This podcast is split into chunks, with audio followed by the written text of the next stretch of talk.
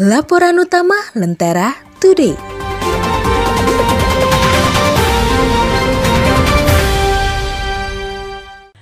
Remuk redam ekonomi RI gegara utang. Dalam laporan ekonomi berjudul The Trouble Ten in Emerging Market, Indonesia menjadi salah satu dari total 10 negara yang menghadapi masalah. Batu sandungan utamanya adalah lonjakan utang. Bahkan menurut data, diam-diam pinjaman RI ke Cina melesat tinggi sekitar 474 persen dalam 10 tahun terakhir.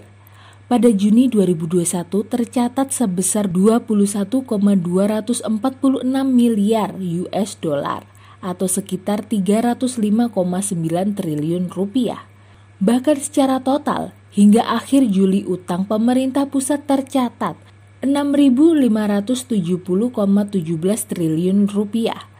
Presiden Joko Widodo atau Jokowi pun diingatkan para ekonom untuk lebih berhati-hati sebab posisi Indonesia saat ini sangat rentan terhadap kebijakan Amerika Serikat dan Cina Bila terpeleset sedikit saja, siklus malapetaka bisa menjadi nyata.